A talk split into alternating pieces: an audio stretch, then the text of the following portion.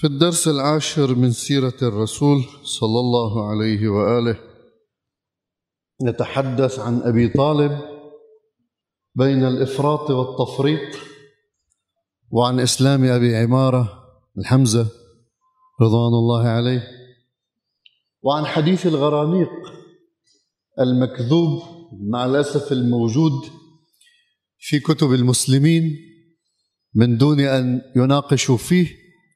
بدنا نناقش نشوف هل النبي ممكن يمشي على لسانه مدح لأصنام قريش وبعد ذلك بيرجع بيتوب أو لا يمكن ذلك؟ إن شاء الله إذا وفقنا الله. بالنسبة إلى أبي طالب طبعا بعد ما اشتد إحنا تحدثنا عن تعذيب الأصحاب في الدرس الماضي. وثباتهم على الإيمان والحق والإسلام مع رسول الله صلى الله عليه وآله. بنو هاشم كانوا ملتفين حول رسول الله صلى الله عليه وآله إلا أبو لهب وزوجته وكان الحامي له إذا صح التعبير هو أبو طالب. عمه أبو طالب. نا أبو طالب مختلف فيه. طبعا أنتم كلكم سامعين عن أبو طالب أنا مش رح فوت بالتفاصيل. بس أبو طالب راح عند بعض المؤرخين وما هو مشهور عند إخواننا السنة من أنه مات كافرا مات على الشرك. التفريط. إفراط في بعض الشيعة طبعا بعض الشيعة ما فيك تحملهم تقول كتار. واحد أو كم واحد صرنا عم نسمعهم معممين عم يحكوا بنبوة أبو طالب. أشوف إفراط وتفريط. إنه هذول مات مشرك هذا بيقول نبي مثلا. وبتستدلوا استدلالات ما أنزل الله بها من سلطان. هذا مش كثير بنرد عليه لأنه كلام سخيف وواضح أنه طبعا يزعلوا جماعته هلا وواضح أنه آه، محمد خاتم النبي. انتهى. يعني ما في حدا لا معه ولا بعده على الإطلاق. فهاي الاستدلالات بروايات ما لها أي قيمة. بالنسبة للإفراط اللي انحكى فيه إنه مشرك ومات على الشرك ابدا. خلينا نشوف بعض الوقائع اللي مشي فيها رسول الله صل... اللي مشي فيها عبد آه، أبو طالب عبد مناف اسمه اللي مشي فيها هلا هون بين هلالين ليش مسميه عبد مناف وعبد العزة؟ هلا هذا بعدين بحكي فيها. هل آباء الأنبياء كلهم موحدين أو مش موحدين؟ وليش سماهم بأسماء أصنام؟ في جدل طويل عريض بعدين نحكي فيه. بس خلينا هلا بالموضوع. أبو طالب هاي مشان بسموها بالإعلام للتشويق مش هيك مثلا أكثر الشيعة يقولون بأنه أباء الأنبياء موحدين. طيب في إشكال إذا كانوا موحدين ليش اسمهم هيك؟ بعدين بنحكي بالموضوع. أبو طالب رضوان الله عليه هل مات مشركا أو لا؟ وقت اللي واحد بيشوف مسيرة أبو طالب ما سلم النبي لهؤلاء على الإطلاق. هذول كل الأساليب استعملوها مع أصحابه. وقسم من أصحابه سافروا على الحبشة مثل ما حكينا سابقا. طيب اللي بقيوا معه خايفين عم يتعذبوا. ليلا نهارا. محمد صلى الله عليه وآله وسلم قريش مش قادرة تعمل معه شيء؟ لأنه في بظهره عشيرته. لأنه في بظهره أبو طالب. سيد مكة سيد البطحاء بعد أبيه عبد المطلب. زين؟ وهذا يظهر من أنه, أنه كان صاحب قوة. ولذلك في بعض المرويات أكثر من حادثة سواء كان في الإسراء والمعراج الذي سيأتي أو في حوادث مشابهة كان يأمر غلمانه وجماعته بحمل السيوف والدخول إلى دار الندوة مطرح ما قاعدين هذول صناديد قريش وكل واحد يوقف فوق رأس واحد إذا أعطاهم الأمر يقطعوا له رؤوسهم إذا كانوا قد أساءوا لرسول الله. يعني كان يحرس محمد صلى الله عليه وآله من هؤلاء الجماعات. لذلك كانوا يعملوا حسابات. بس وصلوا لمرحلة قالوا خلينا نروح لعند أبو طالب. ونقول له يا خي إحنا ما عادش قادرين نتحمل ابن خيك سلمنا إياه أو تصرف معه. بعض المرويات تقول اشتدت قريش على أبي طالب وأنذرته بالحرب.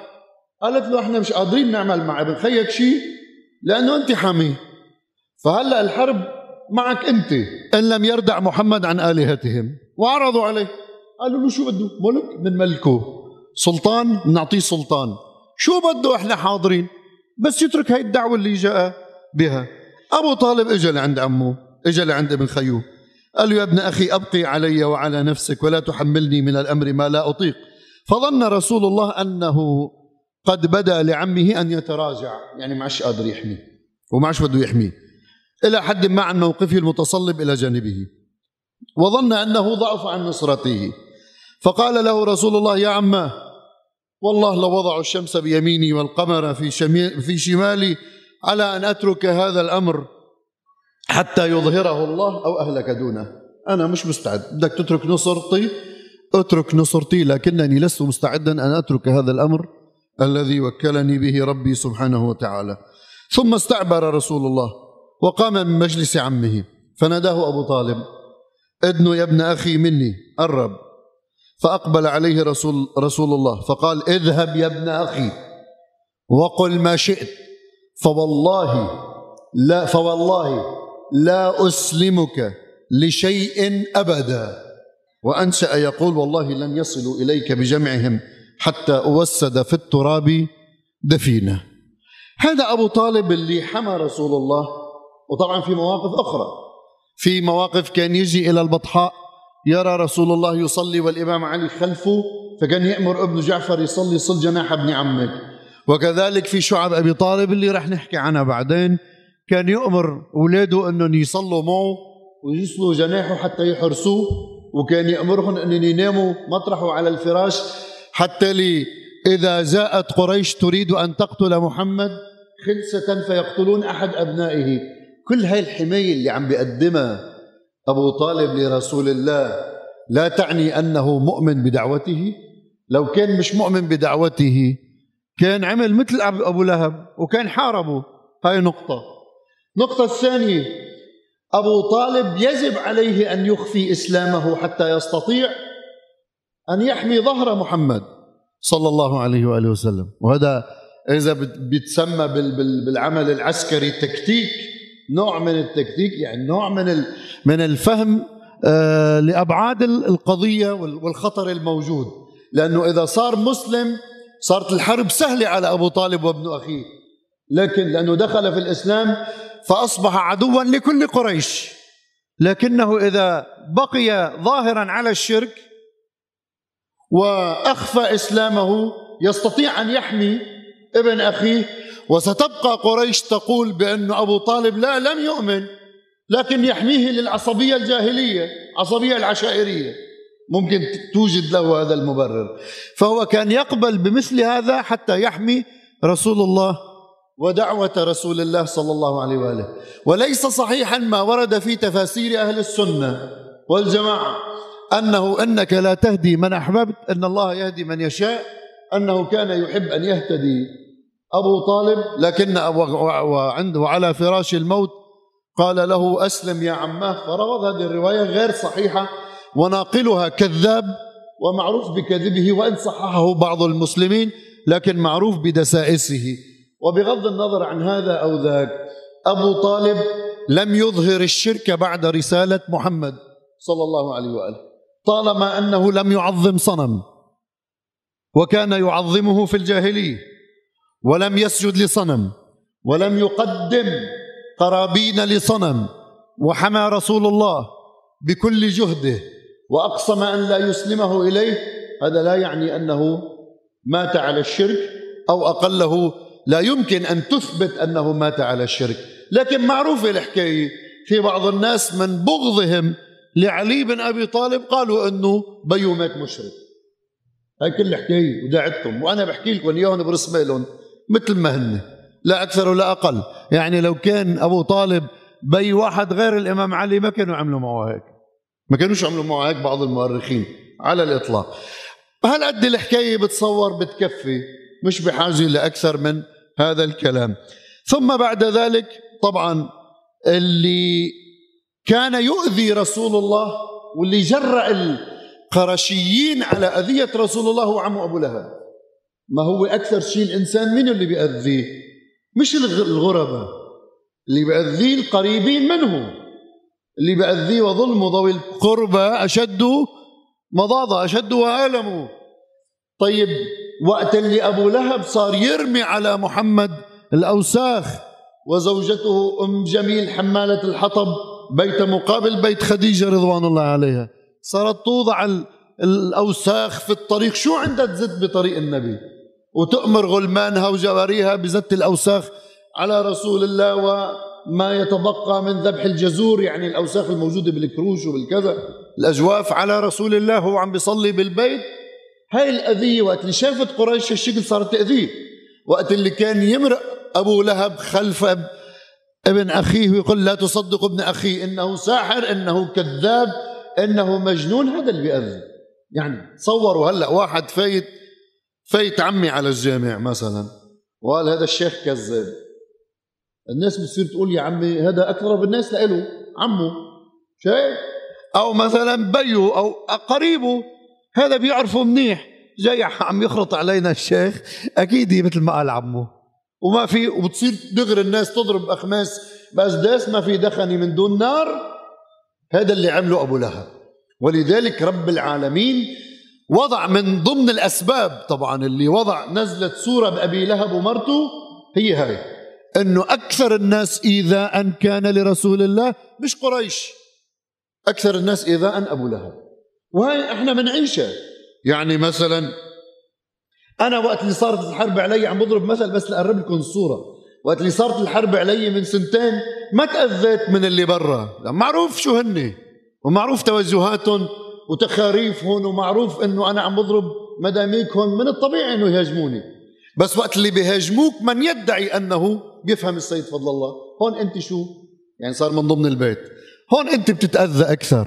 ما بتتأذى من اللي برا قد ما بتتأذى من أصحابك وأحبابك اللي عايش أنت وياهم. هذا اللي صار مع رسول الله صلى الله عليه وآله. أكثر الناس أذية له كان أبو لهب كان أقربائه. لذا تجرأ هشام بن الحكم وتجرأ فلان على أن يرمي التراب على رأس رسول الله وهو جالس على الصفا. ورأت ذلك من جاريتان كانتا لعبد المطلب ولشخص آخر ابن جدعان. كذا المهم كانوا موجودين ورق له رقت لحال رسول الله صلى الله عليه وآله. وإذا بأبي عمارة مقبل الحمزة رضوان الله عليه. حمزة معروف كان شديد وفارس وأبو ضاي وإلى آخره. وكانت تشد ظهر قريش فيه في الشدائد. وصلت تلقته الجواري وقالت له لأبي يا أبا عمارة أرأيت هؤلاء القوم ماذا فعلوا ابن أخيك كذا كذا حكيوا له القصة. فلان رمى عليه أنا عم أختصر لكم القصة الرواية طويلة بديش أقرأ لكم إياها مشان ما أطول. فحكوا له الحكاية. فذهب رضوان الله عليه مغضبا إلى البيت وشاف الحكم بن هشام جالس هذا اللي رمى التراب على رأس رسول الله واللي سمعه حكي فقال له الحمزة ومن أسفه منكم وأنتم تعبدون الحجارة من دون الله؟ آه التفت إليه الحكم ورآه يرتعد من الغضب فذعر منه. ثم كلهم كانوا بخوفهم بخافوا منه فعلا للحمزة. جذب ثوبه وقال يا أبا عمارة لقد سفه عقولنا. ليش عم تحاسبني؟ ابن خيك سفه عقولنا؟ وسب آلهتنا وخالف آباءنا وشتت جمعنا. معلش بحق لنا شوي نسبوا أربابنا اللي عم نعبدها سفها ابن أخيك قال ومن أسفه منكم؟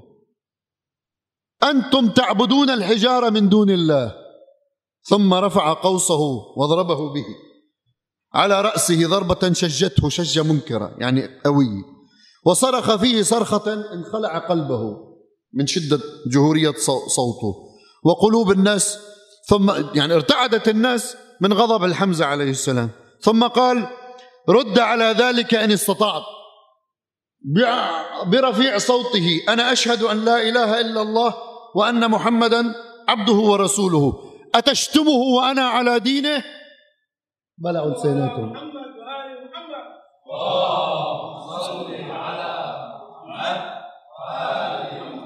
بلعوا لساناتهم الجماعة. خافوا. حمزة منيح. تجرأوا من وراء أبو لهب. الحمزة مش موجود. بضل داير بالصحراء بالحروب بالكذا. وقت اللي اجى الحمزة وشافوا هالشكل الجماعة كلهم ارتعدوا وخافوا. حتى أن المسلمين الذين كانوا يخافون من إعلان دينهم جهروا بدينهم حول الكعبة. ما عادش يخافوا. صار معهم عضد قوي. ولذلك النبي صلى الله عليه وآله في بعض المواقف كان يضرب يديه على بعضهما البعض ويقول وحمزتاه ليت لي اليوم مثل حمزة. بعد ما استشهد الحمزة لأنه كان عضد قوي مع رسول الله صلى الله عليه وآله وسلم. فهنا طبعا آه، قريش ارتعدت لكن إنه كفت الأذية عن رسول الله؟ ما كفت الأذية لكن خفت الأذية بحيث إنه صاروا يسمعوا حكي. للنبي صلى الله عليه وسلم ساحر مجنون كذاب إلى آخره. يعرضوا عليه بعض الأمور حتى أنه النبي صلى الله عليه وآله وسلم كما تقول أو يقولون في حديث الغرانيق انه النبي شاف أنه لازم شوي يعطي نفس لقريش. هي وين صرنا؟ صرنا بالسنة السادسة آه، بعد المبعث. يعني بعد ثلاث سنين من الدعوة العلنيه السريه فكر إنه والله شو ممكن شو هو الحل؟ عم نحكي عن الحديث ها؟ فكر شو الحل مع قريش لنهادنها منشان تمشي أمورنا. اجى حديث وضاعين أحاديث الغرانيق. أحاديث الغرانيق حديث الغرانيق. هذا تاريخ الطبري ابن جرير. ما راح أذكره كثير لأنه ذكرت لكم إياه سابقا. ف اجى آه، آه، بحديث الغرانيق آه، الغرانيق يعني الطير الغرنيق هو الطير الطويل الأبيض الجميل. في بعض التفسيرات أنه شجرة جميلة بيضاء نوع من الأعشاب. في بعض التعابير يقال للغرنيق يعني الشاب الأبيض الجميل كمان يقال له غرنيق. على كل حال هذا مدح لمين؟ لأصنام قريش. كيف مدح أصنام آه، قريش؟ تقول الرواية آه، أنه حدثني فلان عن فلان بلي قال لما رأى رسول الله تولي قومه عنه وشق عليه ما يرى من مباعدتهم طبعا عم نحكي نحن بالجزء الأول الصفحة 550 آه، عن محمد بن كعب القرضي قال لما رأى رسول الله تولي قومه عنه وشق عليه ما يرى من مباعدتهم يعني بعد عنه وما جاءهم به من عند الله. تمنى في نفسه أن يأتيه من الله ما يقارب به وبين قومه. شيء يقربه من بعضهم وكان يسره مع حبه قومه. هو كان يحبهم لأنه قلبه الكبير تسع لكل الناس. مش معناته كان يحب الشرك فيهم. شوفوا اللي يستغلهم. كان يحب أن يهتدي إليه. وهذه معنى أنك لا تهدي من أحببت. لأنه كان يحب أن تهتدي كل قريش. حتى اليهودي الجنازة التي مرت من أمامه الجنازة يهودي كان تألم وبكى ليته اهتدى قبل أن يموت. إلى هالدرجة كان قلبه رحيم. صلى الله عليه وآله. فالنبي فالله كان عم بيصليه إنك لا تهدي من أحببت. طيب وحرصه عليهم أن يلين لهم بعض ما غلظ فيهم حتى حدث بذلك نفسه حدث بذلك نفسه. شوفوا الرواية. وتمناه وأحبه فأنزل الله والنجم إذا هوى سورة النجم.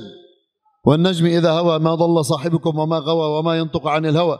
فلما انتهى إلى قوله فرأيتم اللات والعزى ومناة الثالثة الأخرى ألقى الشيطان على لسانه. هو بالبيت. ألقى الشيطان على لسانه. حاشاه. آه لما كان يحدث به نفسه ويتمنى أنه يقرب بينه وبين قريش. اسمعوا منيح. ف بلي ويتمنى تلك الغرانيق العلا. يعني بعد آية ومناة الثالثة الأخرى تلك الغرانيق العلا. وإن شفاعتهم لترجى. يعني اللات العزة ومناة مدحهم جميلين هوذي شفاعتهم ترجى. مين اللي أرى هيك؟ محمد بن عبد الله. مين اللي ذكر؟ كتب المسلمين. شفتوا ليش؟ وعلى فكرة كمان بين الليلين. أنا ما عم بنقلكم كل شيء. أنا عم بنقل أهم الأحداث في حياة رسول الله وعم تشوفوا الشحار والتعتير والمصايب والكذب عند أعاظم علماء المسلمين. شايف؟ وعم تشوفوا معي شو عم بيصير. فكيف إذا بدي افصل بكل تفصيل؟ بدنا سنين عم نخلصش. طيب فلما سمعت ذلك قريش فرحوا. وسرهم وأعجبهم ما ذكر به آلهتهم فأصاخوا له والمؤمنون مصدقون نبيهم فيما جاء يعني المؤمنين صدقوا والمشركين انبسطوا. وعيطوا لبعضهم تعالوا شوفوا محمد شو قال بحق من؟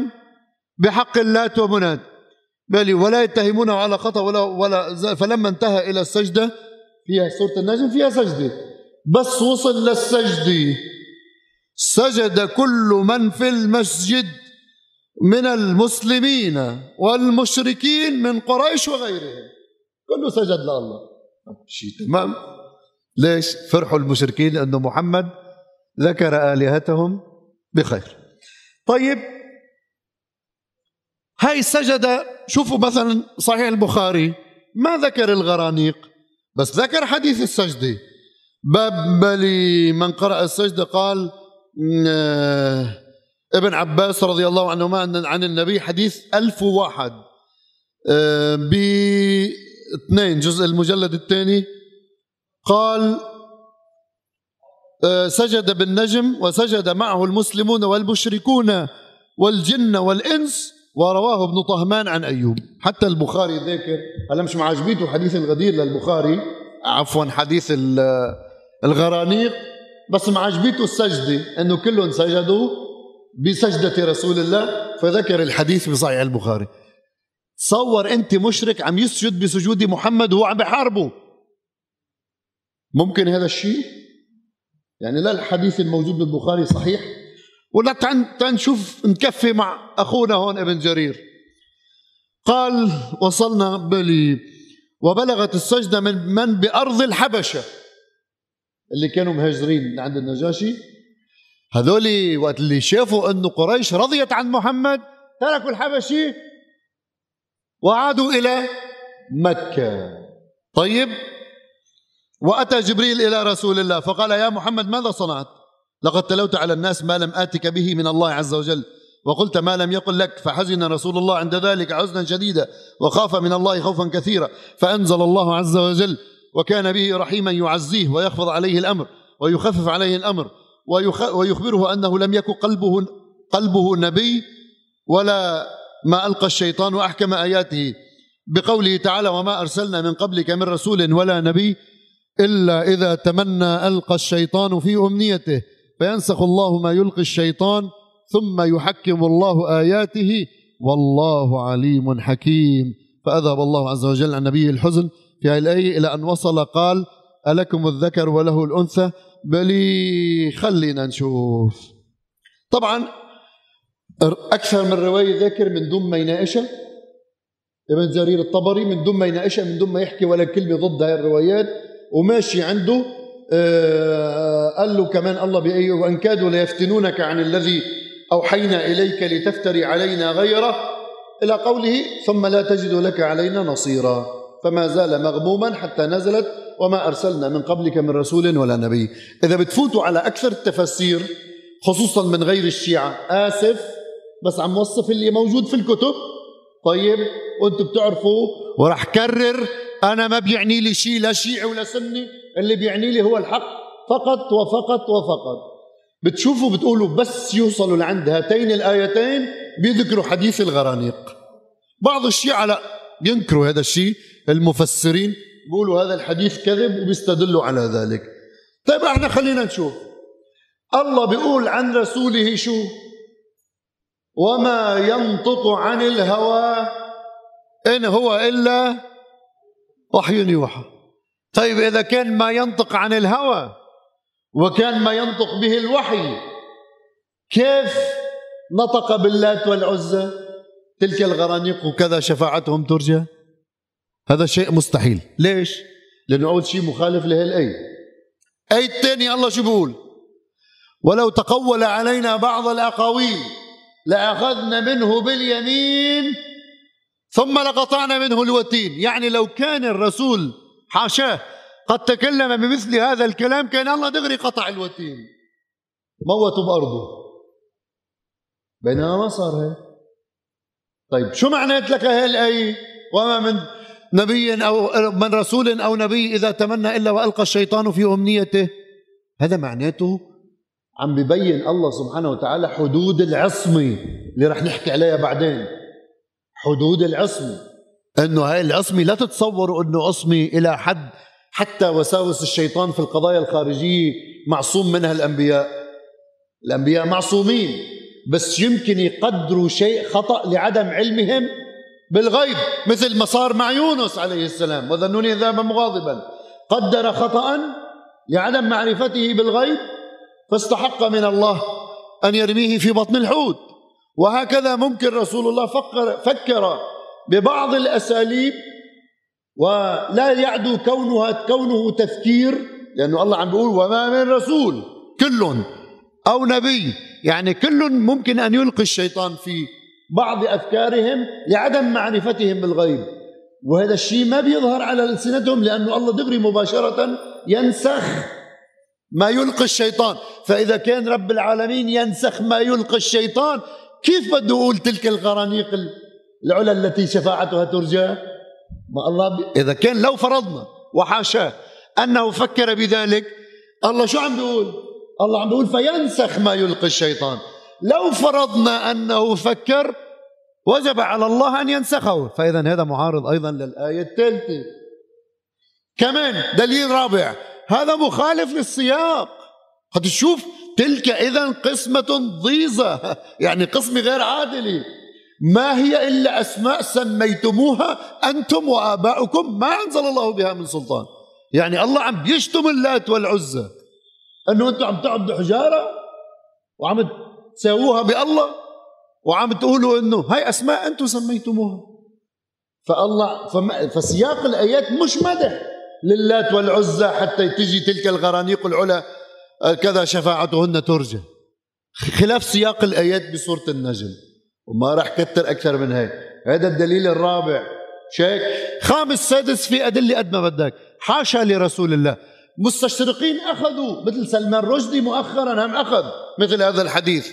وقت اللي بنقول يا جماعة أنه أنتم كتب المسلمين هي السبب في انحراف الناس وهي السبب في الكتاب الذين يهجمون على الإسلام. صدقوا. أنتم الذين قدستم هذه الكتب. أنتم الذين رفعتم من شأن هذه الكتب. حتى تجرأ سلمان رشدي والمستشرق الفلاني والمستشرق الفلاني واليهود وغيرهم. لولا كتبكم أنتم من صحيح البخاري إلى الترمذي إلى أصول الكافي إلى ابن جرير الطبري إلى بحار الأنوار إلى إلى إلى. لولا هذه الكتب لما تجرأ أحد على الإسلام ولما وجد أصلا أحد في الإسلام عائبة أو شائبة. لكن هذه الكتب هي التي أثبتت العائبة والشائبة في حياة رسول الله وفي كلام رسول الله وفي حياة أهل البيت. سلام الله عليهم. ولذلك مرة أخرى لا تقدسوا الكتب. الكتب ليست مقدسة حتى لو قدستم أصحابها. لا تقدسوا الكتب. وإذا كان أصحابها هم فعلا كتبوها هذا لا يعني أنهم أصحاب عقول ضخمة. ابدا. هذول علماء عام مشايخ عاديين بنظري. لو كانوا علماء كبار لرفضوا أن يثبتوا مثل هذه الروايات في كتبهم ولا احترموا كتبهم عن مثل هذه الروايات. اثنين النقاش من جهة أخرى. جماعة الحبشي رجعوا مش لأنه قريش رضيت عن رسول الله مثل جنابكم ما عم تحكوا. جماعة الحبشي رجعوا لسببين. السبب الأول أن المسلمين بطلوا يخافوا وصاروا يجهروا بإسلامهم لأنه حمزة أبو عمارة هو الذي أسلم وحمل الإسلام والمسلمين. بطل حدا يسترجي يحكي مع مؤمن. هاي واحد. الأمر الثاني على النجاشي في بلاد الحبشة لأنه كان يدافع عن الإسلام من قبل المسيحيين. لذلك حتى يخففوا الوطأ على النجاشي تركوا الحبشة وعادوا. وعندما عادوا ووصلوا على مشارف مكة سمعوا بأن الأمور انقلبت على أعقابها وأنه لا. محمد م... هن بيذكروا هيك بكملة حديث الغرانيق. فدخلوا في كل واحد صار يدخل بجوار أحد من القرشيين حتى لا يموت. هذا كله حكاية. ما له أي واقع. عادوا لأجل هذين السببين فقط إلى مكة. وكانت هناك هجرة أخرى وكان هناك أيضا بعد ذلك. ثم بعد ذلك هاي الآيات اللي أنتم عم تحكوا فيها الآيتين اللي ذكرناهم خامسا سادسا سابعا ما بعرف وين صرنا. هاي الآيات يا عمي نزلت بالمدينة. وحديث الغرانيق اللي عم تحكوا فيه سورة النجم نزلت وين؟ نزلت بمكة. السنة السادسة. بعد البعثة. يا شو أنتم عم تيجوا تجمعوا هاي الآيات مع هذه الآيات وتقولوا فلولا لقد أن ثبتناك لقد كدت تركن إليهم شيئا قليلا إذا لأذقناك ضعف الحياة وضعف الممات. هاي إلها موضوع آخر بحدود العصمة سنتحدث عنه إن شاء الله فيما بعد. كنت أريد أن أتحدث بالسياسة قليلا لكنني سأعفيكم هذا الأسبوع والحمد لله رب العالمين.